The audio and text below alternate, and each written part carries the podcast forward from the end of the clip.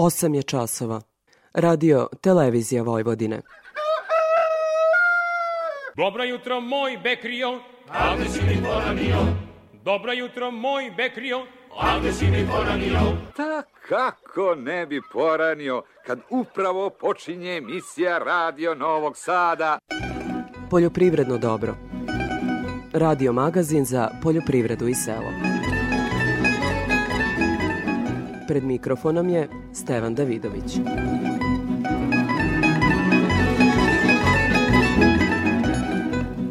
Dobro jutro. Kao što su ovu sezonu opteretili problemi iz prethodne godine, tako će i naredno opteretiti aktuelna dešavanja u agraru. Međutim, kako tvrde agroanalitičari, registruju se povoljnije cene na tržištu što može olakšati poslovanje ratara u 2024. Uz to nove mogućnosti na tržištu zahtevaće od poljoprivrednika i umeće berzanskog poslovanja. O tome za uvod agroekonomski analitičar Žarko Kaletin i zbog toga je potrebna jedna kvalitetna, dobra edukacija poljoprivrednih proizvođača na korist svih, pre sve na korist, na korist naših poljoprivrednih proizvođača, da im se objasni kako oni to, koji je to mehanizam koji njima omogućava zaštitu od tržišnog rizika u nastupu u nastupu na berzi. I mislim da uh, bi to što pre trebalo da se uradi, postoje institucije, tu je privredna komora, tu je i sama berza i, i, do, i sekretarijat za poljoprivredu pokrinjski ili ministarstvo, da se organizuje jedan serijal, da tako kažem, niz edukativnih predavanja i da se ljudima objasni konačno da se razbije ta, da kažem, i predrasuda neka i iluzija o tome šta znači to trgovati na berzi. O tome šta nas tržišno očekuju u narednoj godini govorimo u temi emisije. Sve češće u emisiji Poljoprivredno dobro govorimo o problemima koje agraru donose klimatske promene. Ovoga puta beležimo probleme povrtara koji trpe veliku štetu od oluja koje im oštećuju plastenike. Kada je reč o agroekološkim uslovima u biljnoj proizvodnji, minute u emisiji rezervisali smo i za usep pšenice – Čućemo savete za naredni period od stručnjaka poljoprivredne stanice u Zrenjaninu Zorice Rajačić. Toliko u uvodu sledi muzika pa izveštaj agrometeorologa.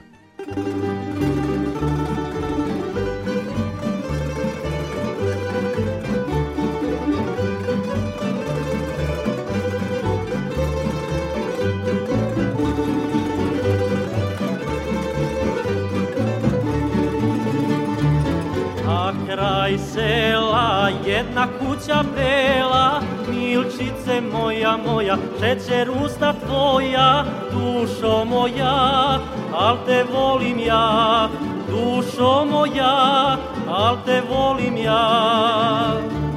Tu mi spava devojčica mala, milčice moja moja, šećer usta tvoja, dušo moja, al te volim ja, dušo moja, al te volim ja.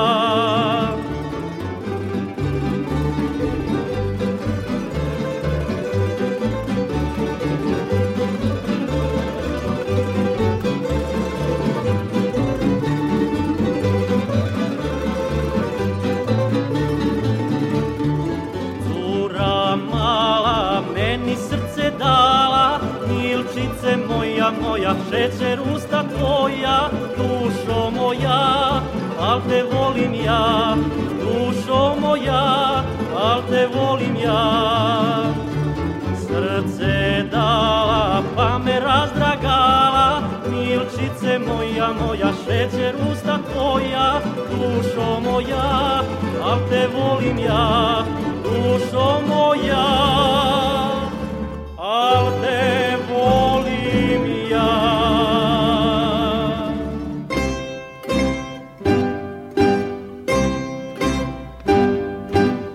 Kao što smo najavili u uvodu u prvim minutima poljoprivrednog dobra, sledi izveštaj agrometeorologa iz Hidrometeorološkog zavoda Srbije Ljiljane Đingalašević. Posle izuzetno toplog vremena tokom prošlog vikenda ova sedmica obeležena je hladnim vremenom i sa temperaturama uobičajenim za decembar. Dobri temperaturni uslovi u prethodnom periodu omogućavali su ukorenjivanje, bokorenje ozimih useva i pripremu za predstojeće mirovanje vegetacije. Tokom ove sedmice minimalne jutarnje temperature bile su u okviru proseka, a maksimalne dnevne između 2 i 12 stepeni. Srednje dnevne temperature su ispod 5 stepeni, što omogućava mirovanje svih prezimljujućih poljoprivrednih kultura. Tokom proteklih dana bilo je povremenih padavina sa dospelim količinama do 20 mm. Procenat padavina u poslednjih mesec dana u odnosu na prosek je na teritoriji Srbije od 200 do 300 procenata. Vlažnost zemljišta sa dosadašnjim padavinama je znatno poboljšana, što se uz optimalne temperature u setvenom sloju odražava na ravnomerni sklop ozime pšenice, koja je posejana krajem optimalnog i u tolerantnim rokovima setve. Tokom proteklih sedam dana uočeni su simptomi biljnih bolesti. U usevima uljane repice registrovani su simptomi suve truleži i to na starijim listovima. U usevima pšenice prisutni su simptomi rđe, a u usevima ječma simptomi mrežaste pegavosti lista ječma. Pored bolesti u usevima strnih žita se i dalje registruje prisustvo aktivnih rupa od poljskih glodara. Prema prognozi posle prolaznog naoblačenja mestimično sa mešovitim padavinama za dane vikenda, početkom sledeće sedmice se očekuje osetno toplije vreme, u većini mesta sa dnevnom temperaturom od 10 do 15 stepeni. Povremeno će biti uslova za slabe padavine, a sredinom nedelje padavina će biti u svim krajevima. U drugoj polovini sedmice temperatura će biti u postepenom padu, na severu bi bilo uglavnom suvo, dok se u ostalim predelima povremeno očekuje kiša, a sa padom temperature na planinama i sneg. Za Radio Novi Sad i Republičkog hidrometeorološkog zavoda Ljiljana Đengalašević.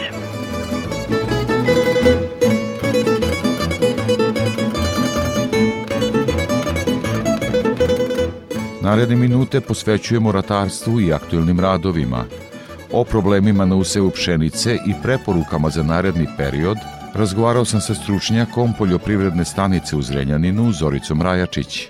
Pšenica mora da prođe kroz određene faze, da kažem, njoj odgovara sada da bude ipak malo oštrija zima, snežni pokrivač. Šta se događa na terenu, koliko su ovo povoljni uslovi za pšenicu? Trenutno razlikuju se ti uslovi u zavisnosti od faze uh, razvoja uh, pšenice samom početku nicanja odgovaraju više temperature. E, znamo svi da pšenica niče kada nakupi neku toplotnu sumu preko 100, 110 do 120 stepeni, e, tako da u tom periodu nicanje odgovaraju te malo više temperature i sve do e, faze početka bokorenja e, i bokorenja e, kada e, tek postaje otpornija na ekstremno hladan period.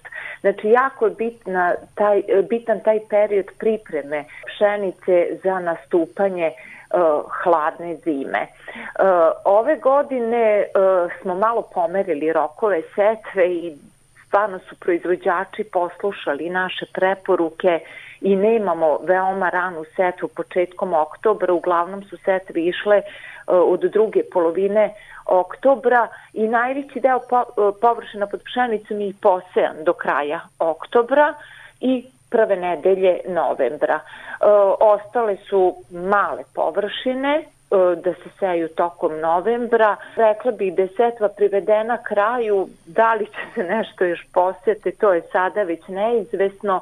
A sad da se vratim na taj rok setve, kao što sam rekla, dobro je da se pomerio taj rok setve zbog visokih temperatura u oktobru. I mislimo da je pravo vreme bilo tu posle 20. oktobra, e, neki pravi moment za početak setve i te pšenice sada zaista izgledaju najbolje u odnosu na pšenice koje su sejane već kasnije početkom novembra već se osetio veoma brzo uticaj pada temperature i hladnog vremena i te pšenice su mnogo sporije nicale. Kakva je situacija kada je reč o zasejanim površinama ili, ili drugačije rečeno, koliko su ove godine bili poljoprivrednici za, zainteresovani za setvu pšenice i koliko je od zasejane pšenice otišlo sa tavana? A to sad procentualno ne mogu baš da kažem, ali svakako da ima dosta pšenice koja se i dalje seje sobstvene proizvodnje. A što se tiče površina u srednjem Banatu, to su možda malo smanjene površine, ali ne znatno smanjene u odnosu na prošlu godinu i prethodne godine e, negde oko 53.000 hektara je u našem regionu posebno pšenice ove jeseni. I za kraj razgovora možda samo preporuke u daljem periodu kada je reč o usevima koji su na njivama.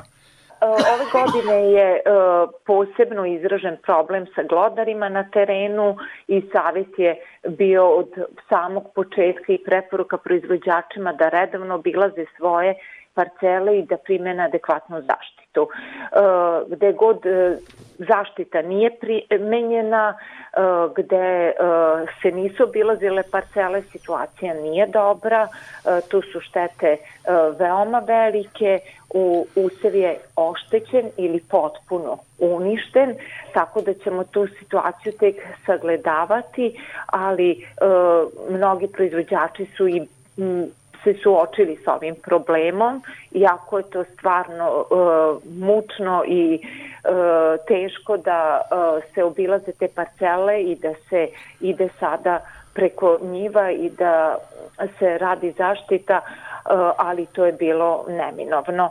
Eh, to me dodatno otežavaju eh, kišni dani. U našem regionu zabeleženo 16 kišnih dana samo u novembru sa ovom nekom nižom temperaturom kada se mnogo sve sporije i teže suši dodatno otežava izlazak na teren i obavljanju svih ostalih radova. Preporuka je da se parcele obilaze redovno, prosto to nam je sada jedan od velikih prioriteta da sačuvamo to što smo posejali i što je poniklo.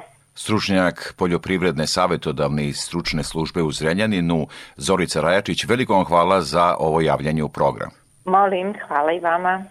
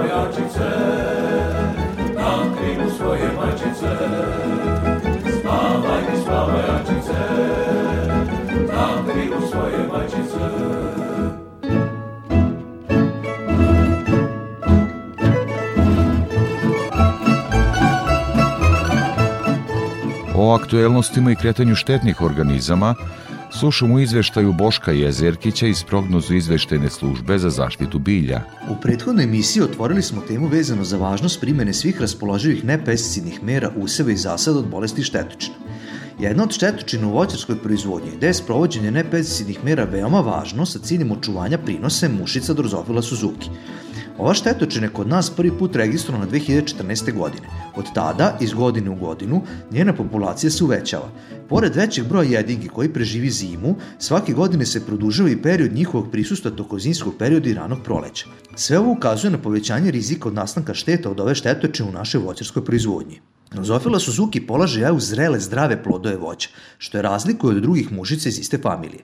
U našoj voćarskoj proizvodnji rizik od nastanka šteta najpre postoji u proizvodnji jagode i trešanja s ranim sortimentom, koje prve ulaze u plodonošenje, a zatim i u zasadima trešanja sa kasnim sortimentom, višanja, bresaka i nektarina, borovnica, malina, kupina i vinove loze. S obzirom da štete nastaju u fazama zrenja plodova, primjena hemijskih mera sa ciljem zaštite plodova je ograničena zbog karence primjenjenih preparata, te je veoma važna primjena svih raspoloživih nepesticidnih mera. One podrazumevaju postavljanje velikog broja klopki sa ciljem izlovljavanja odraslih jedinki i smanjenja njihove brojnosti. Kao klopke mogu se koristiti plastične flaše u koje se sipa crno vino i jabukovo sirće u odnosu 1 prema 1 i nekoliko kapi deterđenta. Zatim uništavanje prezalih plodova, skraćivanje intervala berbe, održavanje higijena ivice parcela, odnosno uklanjanje divnih vrsta biljaka poput divlje kupine, zuva i drugih koje mogu biti domaćini ove štetočini oko zasada, kao i higijena gajbice za transport voća. Takođe, važna mera je i krčenje napuštenih voćnih zasada gde se ova štetočina nometano razvija. U ugroženim područjem od rozofile Suzuki u Evropskoj uniji se koristi insekatske mreže kojima se prekrivaju čitavi zasadi, čime se fizički sprečava polaganje jaja od strane ženki. Kod naših proizvođača ova mera nije zastupljena zbog visoke cene. Treba naglasiti da se primjena svih ovih raspoloživih mera kontrole treba sprovoditi na području celog regiona, jer parcijala kontrola pojedinačnih parcela ne donosi do odgovarajuće rezultate i omogućava dalje umnožavanje ovog insekta.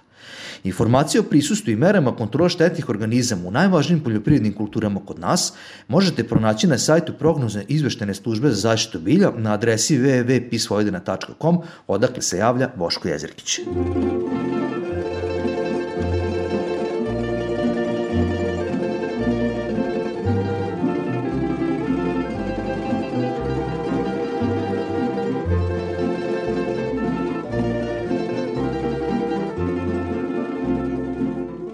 O trgovanju na Novosadskoj produktnoj berzi izveštava Andreja Kostić. Tokom ove nedelje preko produktne berze prometovano je 2200 tona robe za 25,14% manje nego prethodne nedelje.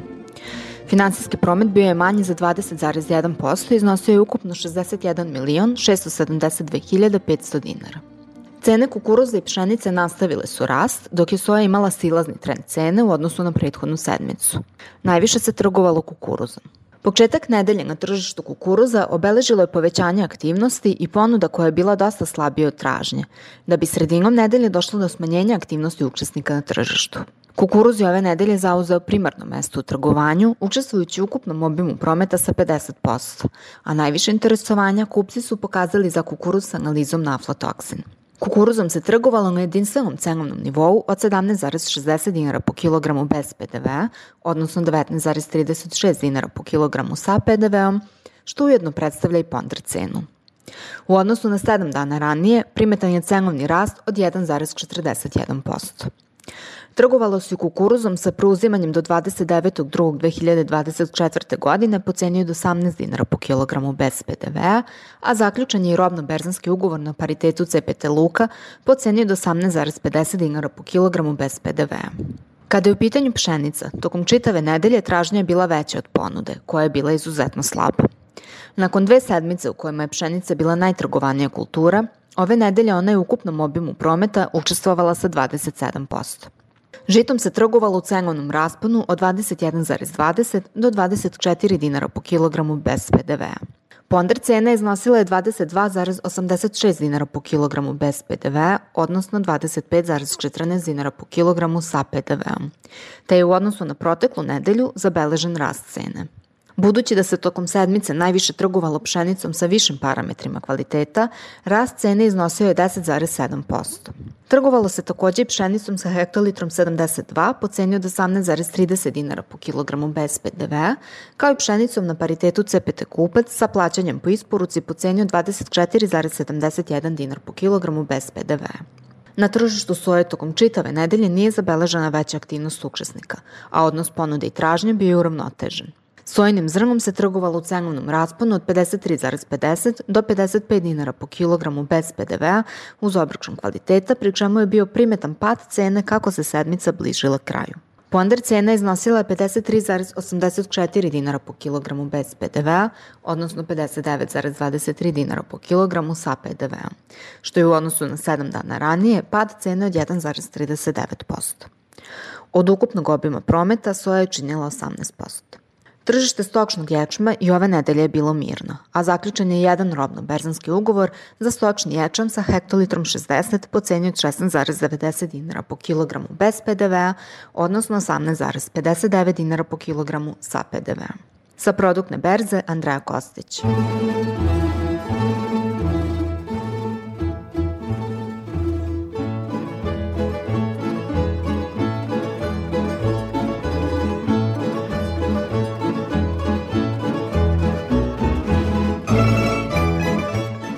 I svake nedelje pratimo izvešte o cenama sa tržišta žive stoke. Iz Infotim Logistike izveštava Gordana Jeličić. Tokom nedelje naši saradnici tovne svinje sa farme oglašavali su po ceni od 270 do 280 dinara po kilogramu, tovljenike sa mini farme po ceni od 265 do 278 dinara po kilogramu, a tovljenike iz otkupa po ceni od 260 do 268 dinara po kilogramu. Ukupno je tržištu ponuđeno oko 1000 i potovljenika. Tokom nedelje, plasman tovnih svinja sa farme i mini farme dogovaran je u rasponu cena od 265 do 270 dinara po kilogramu. Za iduću nedelju, klaničari će farmsku robu plaćati 270 dinara po kilogramu. Prasaca farme oglašena su po ceni od 550 do 600 dinara po kilogramu, prasaca mini farme po ceni od 463 do 500 dinara po kilogramu i prasad iz otkupa po ceni od 463 do 470 dinara po kilogramu. U ponudi smo imali oko 600 prasadi. Nazimice za priplot ponuđene su po ceni od 50.000 dinara po komadu. Jagnjad su ponuđena po ceni od 435 do 463 dinara po kilogramu, a ovce za klanje ponuđene su po ceni od 167 dinara po kilogramu. Bikovi rase Holstein oglašene su po ceni od 300 do 310 dinara po kilogramu, a bikovi simentalci po ceni od 331 do 342 dinara po kilogramu. Tokom nedelje beležili smo realizaciju za bikove Holstein po ceni od 310 dinara po kilogramu. Kada je živina u pitanju, jednodnevni pilići teške linije ponuđeni su u rasponu cena od 47 do 60 dinara po komadu. Cene su izražene bez PDV-a. Za Radio Novi Sad, Gordana Jeličić iz Infotim Logistike. Zele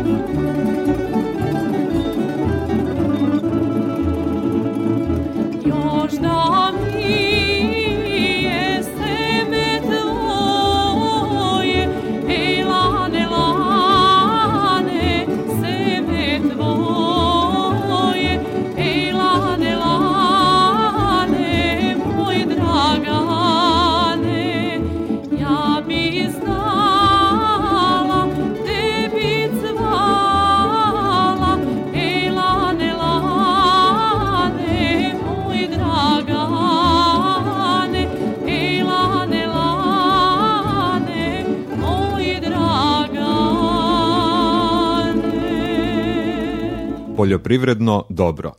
Radio Novi Sad. Tema emisije.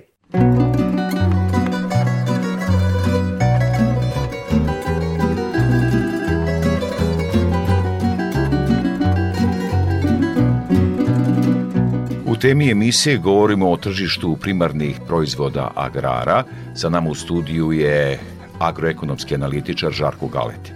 Dobar dan, dobro nam došli. Hvala vam na pozivu. Uskoro počinje nova godina, pa da možda za početak napravite kratak osvrt na prethodnu godinu u smislu šta je to što ju je obeležilo. 2023. kalendarsku godinu, ako, ili koja da zahvata i deo ekonomske 2022. 23. godine i 23. 24. Jel? Ali generalno kalendarsku 2023. godinu uh, možemo da okarakterišemo pre svega kao godinu koja nosi težak, uh, da kažem, jedan balast iz prethodne 2022. godine zbog poznatih geopolitičkih razloga, sukoba Rusije, Ukrajine, E, naglog skoka rasta cena, logističkih problema u smislu blokade Crnomorskog koridora i tako dalje, tako da svi ti problemi su manje više preneti u 2023. godinu, samo što se situacija e, preokrenula, nažalost, na štetu naših poljoprivrednih proizvođača toliko što su za razliku od 2022. godine, kada je nastala opšta panika oko snabdevanja tim primarnim poljoprivrednim proizvodima. 2023. godinu karakterišu izuzetno niske cene koje su čak i duplo niže bile nego 2022. godine, ali ti problemi logistike su i dalje aktuelni i dalje prave veliki problem na svetskom tržištu, što se videlo i u nastupu zemalja koje su neposrednom okruženju Ukrajine, koje su zabranile uvoz ukrajinske pšenice, su im obarale cene na, na domaćem tržištu i dakle sve to se zajedno još podstaklo još i više okolnostima da taj crnomorski sporazum nije produžen u julu mesecu ove godine i dakle ulazimo u jednu potpuno neregularnu, da tako kažem, tržišnu godinu, 2023. godinu, koja je donekle ipak stabilizovala tržište u drugoj polovini godine, a to se odrazilo konačno i na cene kod nas koje su konačno u, nek, u oktobru, krajem oktobra meseca počele blago da rastu i nekako nazire se neka blaga stabilizacija tržišta, ono što i dalje unosi zebnju u čitavu a, tu tržišnu sliku i u svetu i kod nas jeste neka najavljena onako dosta stidljivo, ali vrlo loša jedna vez da bi Egipat eventualno mogao da blokira Suetski kanal, što bi Evropu pretvorilo u jedno veliko skladište i što bi dovelo konsekventno i do ozbiljnih problema na samom tržištu.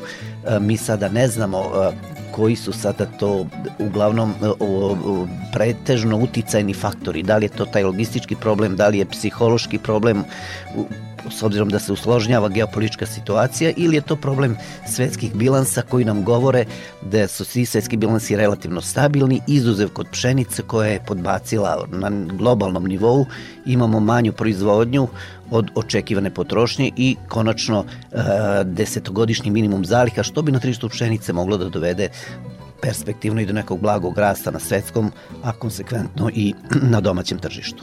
Gospodine Galetin, imate veliko iskustvo kroz rad u berzi. E, šta su projekcije za narednu godinu? Kako biste mogli da se obratite našim poljoprivrednicima? Pretpostavljam da je to ono što ih najviše zanima iz ovako jedne teške godine. Šta ih očekuje u narednoj godini? Narednu godinu moramo da e, nekako e, posmatramo kao nešto što će biti, kao što smo imali 2023. godinu koja kao što sam rekao, nasledila je jedan veliki teret iz 2022. godine, tako u 2024. godini možemo da očekujemo moje blagi utisak da, da imamo jednu blagi optimizam u smislu stabilizacije tržišta. Mi već sada vidimo da se cene polako kod nas pomeraju na gore i da bi moglo to da utiče i na, kažem, neki blagi rast cena u narednoj godini i da u ekonomskoj 2023.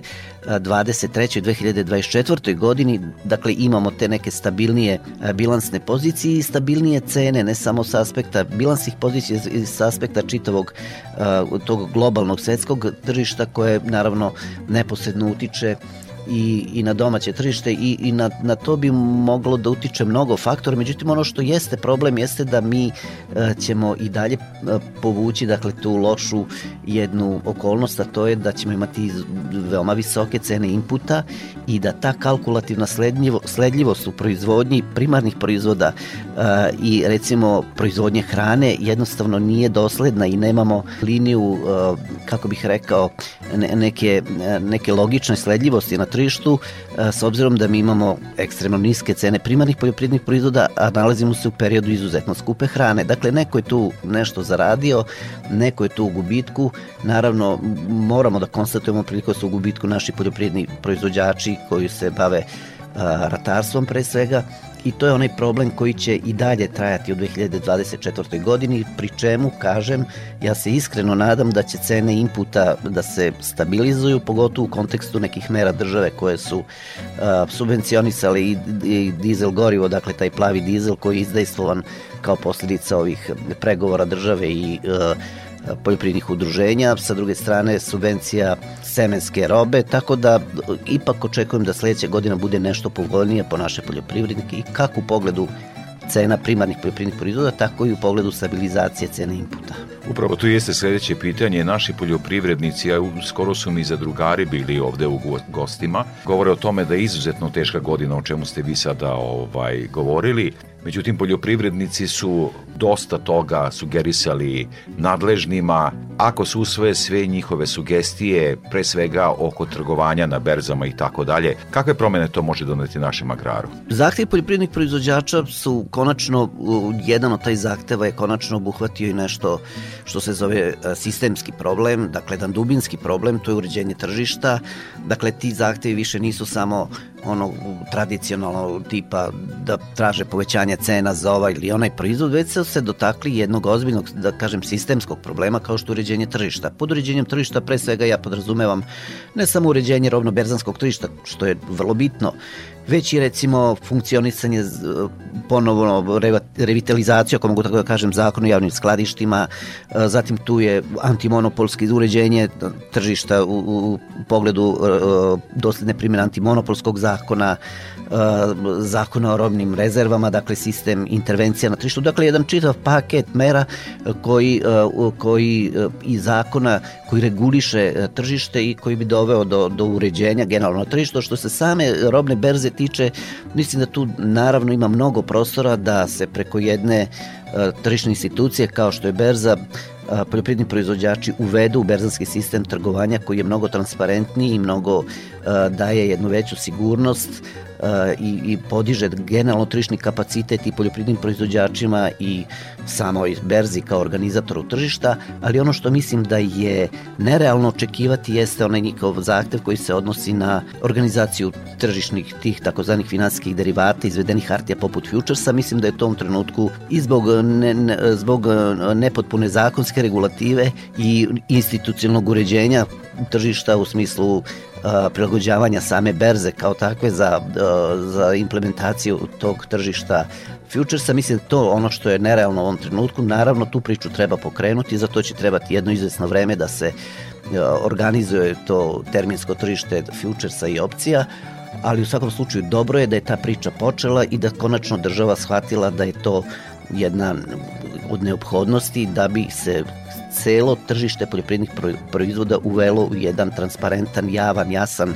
predvidiv sistem i na kraju krajeva pri čemu bi se omogućila jedna tržišna zaštita preko tog takozvanog hedžiranja, zaštite od tržišnih rizika putem nastupa na takvoj organizovanoj robnoj berzi. Evo sada ste upotrebili neko, nekoliko tih ekonomskih termina koji možda nisu onima koji su se direktno time bave potpuno poznati. I tu jeste upravo moje sledeće pitanje, a to je koliko poljoprivrednici s obzirom na to da do sada to nisu tako, iz, tako intenzivno radili, koliko mogu očekivati pomoć berzi stručnjaka u trgovanju i da li mogu tu da se pronađu kvalitetni oslonci? Svakako da mogu preko berze da se nađu kvalitetni oslonci. Produkt na berzi inače organizovala jedan sistem gde i, i e, individualni poljoprivredni proizvođači mogu da učestvuju u trgovanju na berzi. Ne, dakle, ne samo pravna lica, e, već i oni da, da tu budu prisutni, ali upravo u ovome što pitanju što se postavili e, je leži i deo odgovora koji u krajnjoj liniji sam ja dao i, i u odgovoru na prethodno pitanje, a to je jedna potreba da se e, edukuje tržište, da se naši poljoprivredni proizvođači edukuju pre svega u smislu e, da znaju da čitaju podatke sa berze, da kada pročitaju neki podatak sa Budimpeštanske, Parijske, Čikaške berze, da znaju šta taj podatak znači, a ne da onako odmah upoređuju neke cene tih terminskih hartija, futuresa sa ne znam Peštanske ili Čikaške berze sa cenama kod nas. To je jedna neuporediva neuporediva potpuno stvari, ajde rekao bih promašena meta, ako mogu tako da se izrazim, i zbog toga je potrebna jedna kvalitetna, dobra edukacija poljoprivrednih proizvođača na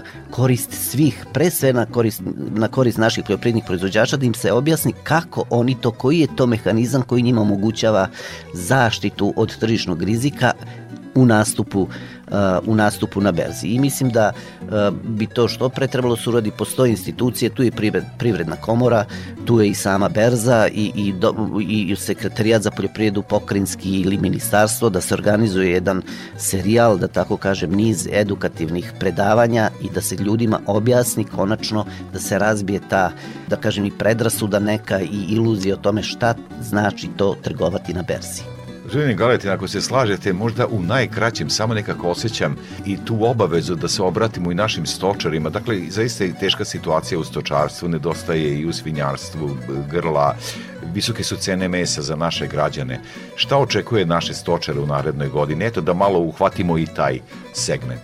Stočari su u teškoj situaciji. To se konačno vidi po činjenici da smo mi, da nam se smanjio broj recimo mlečnih krava na neki 170-180 hiljada, što je nedovoljno za proizvodnju mleka koje mi sad moramo da uvozimo, da se smanjuje stočni fond, smanjuje se broj uh, tovnih uh, grla u svinjarstvu na neki 2,4 miliona, to što opet nije dovoljno, mi uvozimo svinsko meso, mi uvozimo smrznuto svinsko meso, postica i neki su, tu je država odreagovala još u onom prvom, ajde da tako kažem, naletu protesta od maja meseca, pa su podignute neke subvencije i, i o, za o, uzgoj stoke kod mlečnih krava sa 25 na 40 hiljada, za tovne svinje i tako dalje. Dakle, svi su tu nešto pomalo dobili.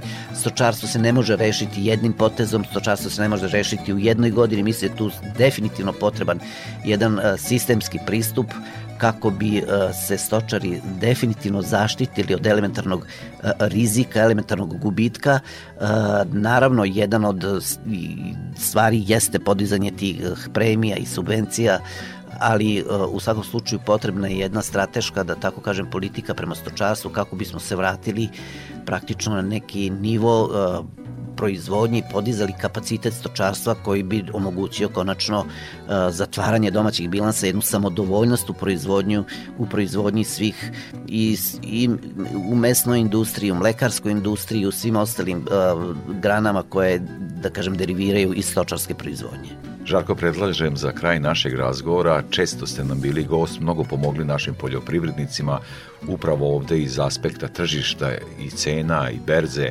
Vaša neka reč za kraj da se obratite poljoprivrednicima, neka vaša poruka.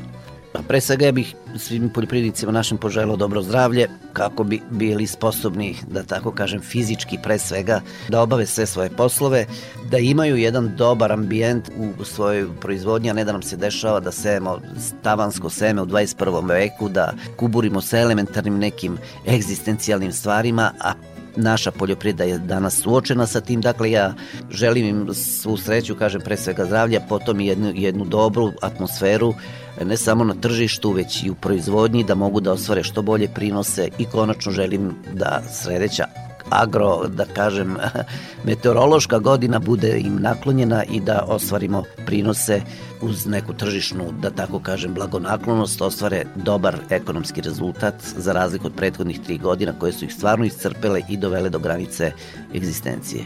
Gost u studiju Radio Novog Sada, agroekonomski analitičar, gospodin Žarko Galetin, Velikom hvala za ovo gostovanje, ne samo sada, već i tokom cele godine koja polako ostaje za nama. Još jednom veliko hvala za gostovanje.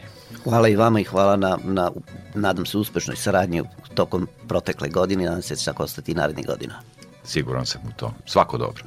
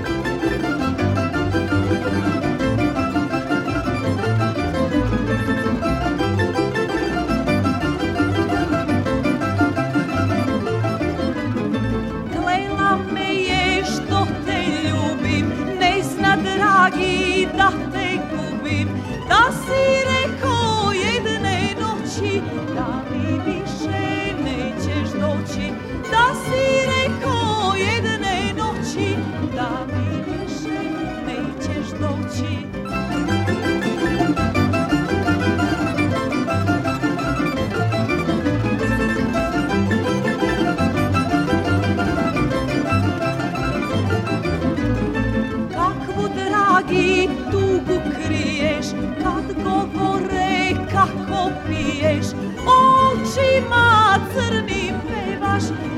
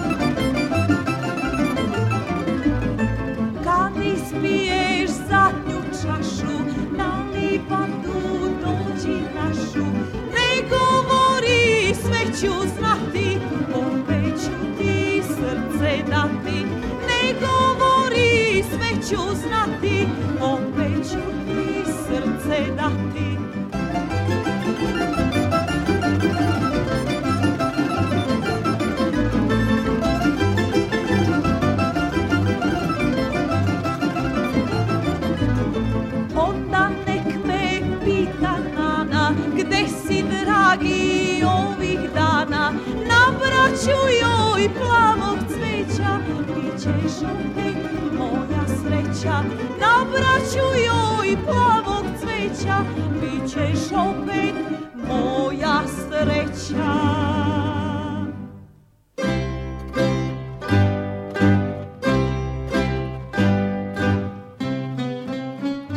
Klimatske promene pogađaju i povrtare koji proizvode u zaštićenom prostoru, odnosno plastenicima.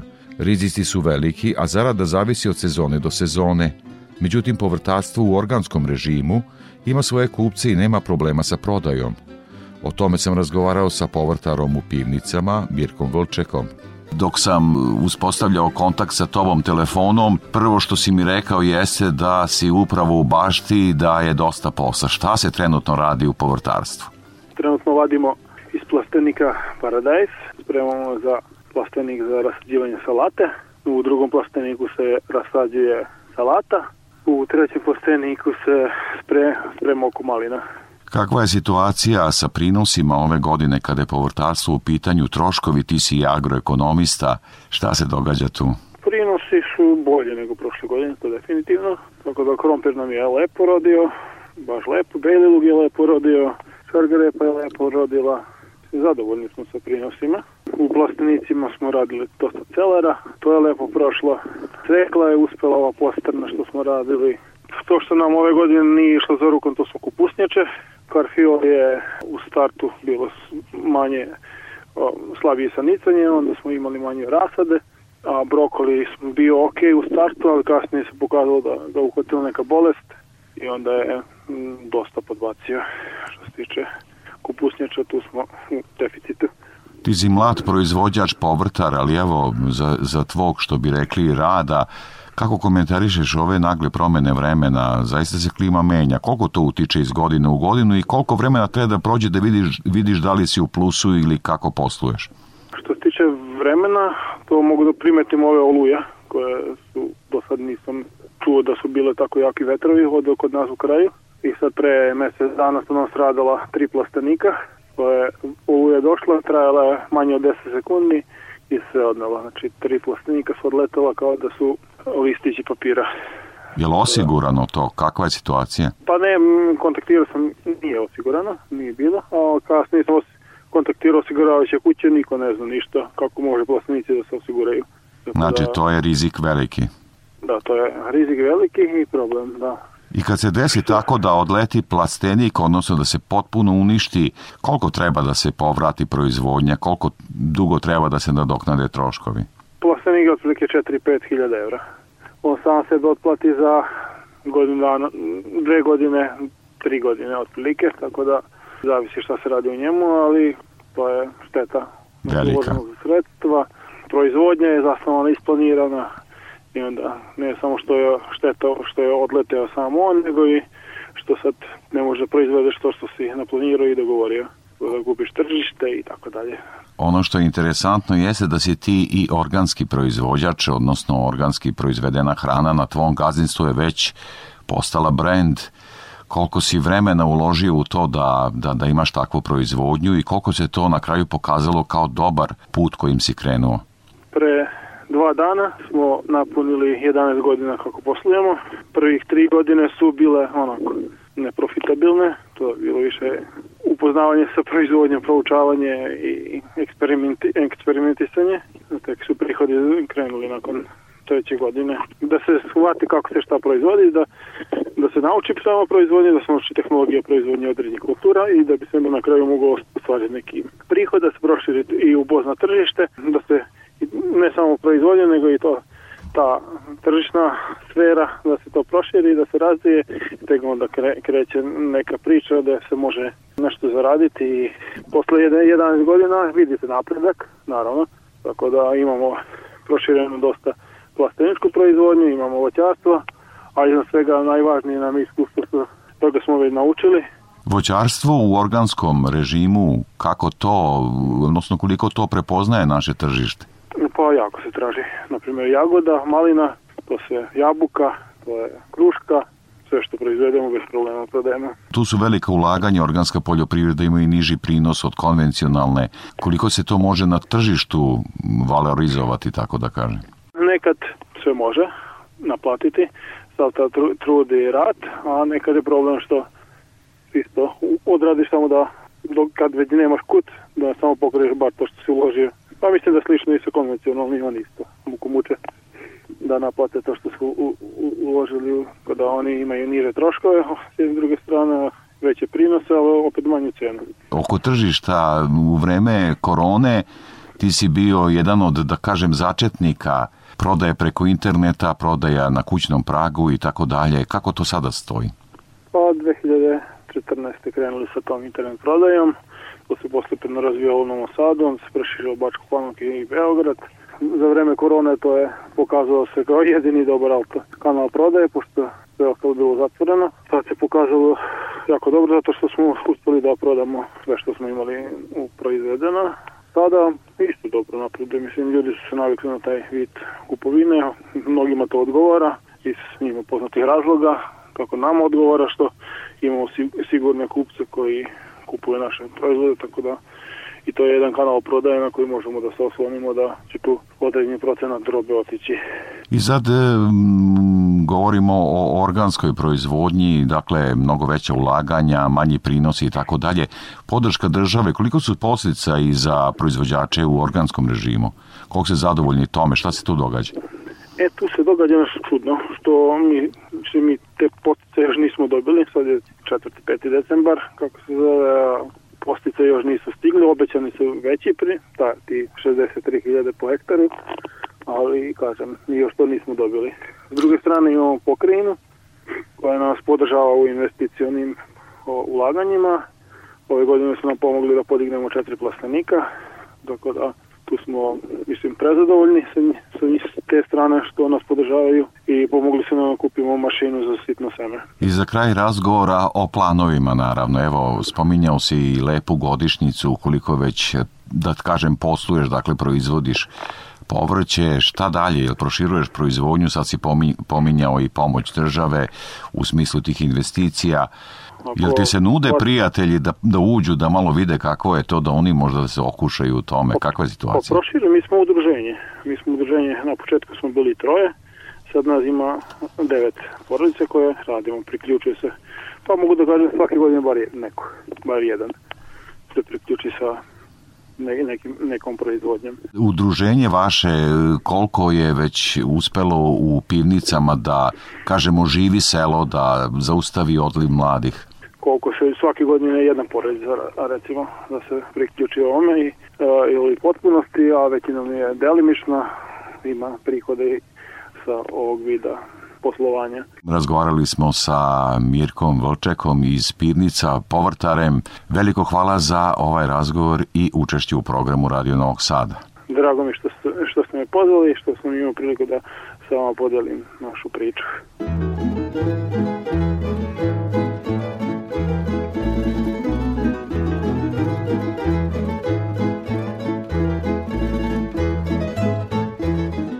Zemljište je najvažniji resurs u proizvodnji hrane. Zbog ugroženosti obradivog zemljišta Generalna skupština Ujedinjenih nacija je pre 10 godina 5. decembar proglasila svetskim danom zemljišta. Svake godine širom sveta sprovode se akcije kojima se upozorava na važnost očuvanja kvaliteta zemljišta, njegove zaštiti i posticanju održivog upravljanja obradivim površinama. O tome Đorđe Simović. Obradivo zemljište je ugroženo po dva osnova. S jedne strane opada njegova plodnost, a sa druge smanjuje se površine pod oranicama. Predsjednik Srpskog društva za proučavanje zemljišta Jovica Vasin kaže da su se između dva popisa poljoprivrede 1960. i 2012. obradive površine u Srbiji smanjile za 10 odsto. Značajan je pad negde oko 300.000 hektara imamo manje oranica na nivou Republike Srbije za svega 50 godina. To je drastičan podatak. Glavni uzrok tome je širenje naselja, industrijskih pogona i saobraćene infrastrukture. Međutim, Vasin upozorava na to da nam zbog manje upotrebe organskih đubriva usled smanjenog stočnog fonda značajno opada plodnost zemljišta. A Opadanje sadržaja organske materije u zemljištu, to je proces koji mi nazivamo kolokvijalno tihim ubicem našeg zemljišta. Zašto tih? Zato što to nije proces koji je vidljiv, koji se dešava kao poplave, erozije ili tako slično, nego je proces koji traje dosta dugo, ali kao krajnju posledicu mi imamo, da kažemo, ubijanje zemljišta, jer plodno zemljišta značajno opada. Zbog svega navedenog, 300 naučnika UN-ove organizacije za hranu i poljoprivredu nedavno je podnelo izveštaj da je globalna devastacija zemljišta jednako važna kao i klimatska kriza i seča šuma.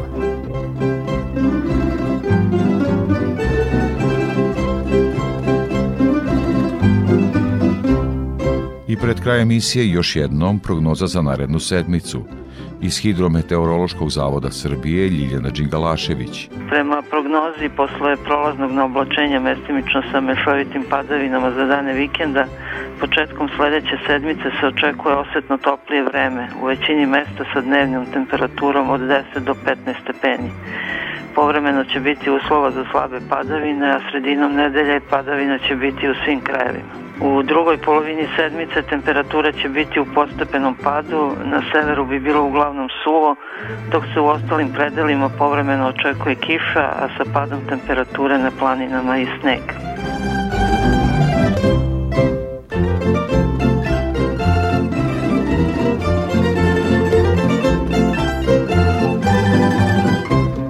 To bi bilo sve što smo pripremili za ovo izdanje poljoprivrednog dobra Radio Novog Sada.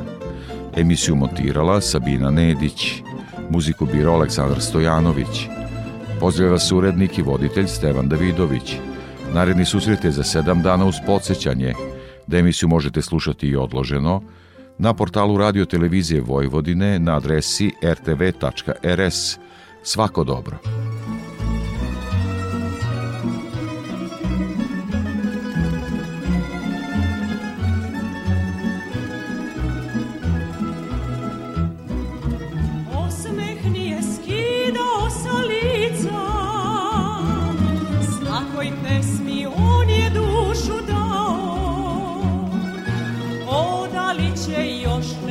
Neko da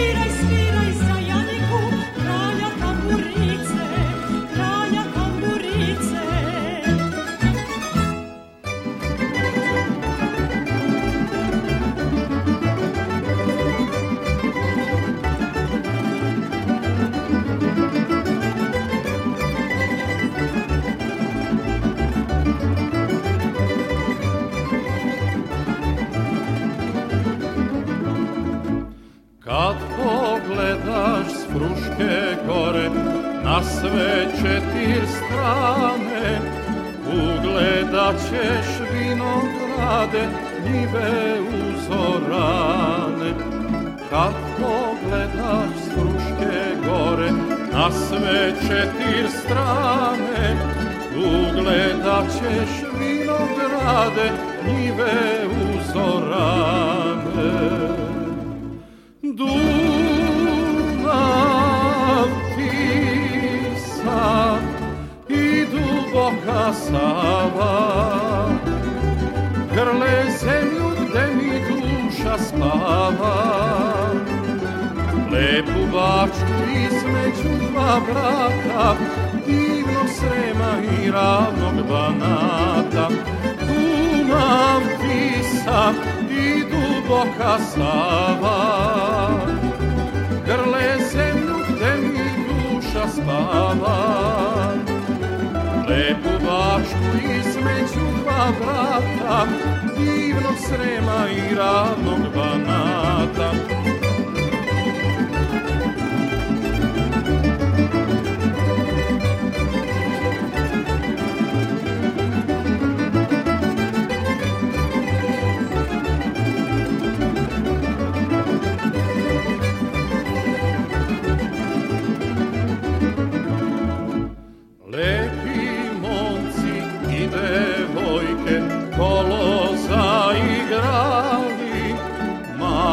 Sremsko i Banacko bački zapevali.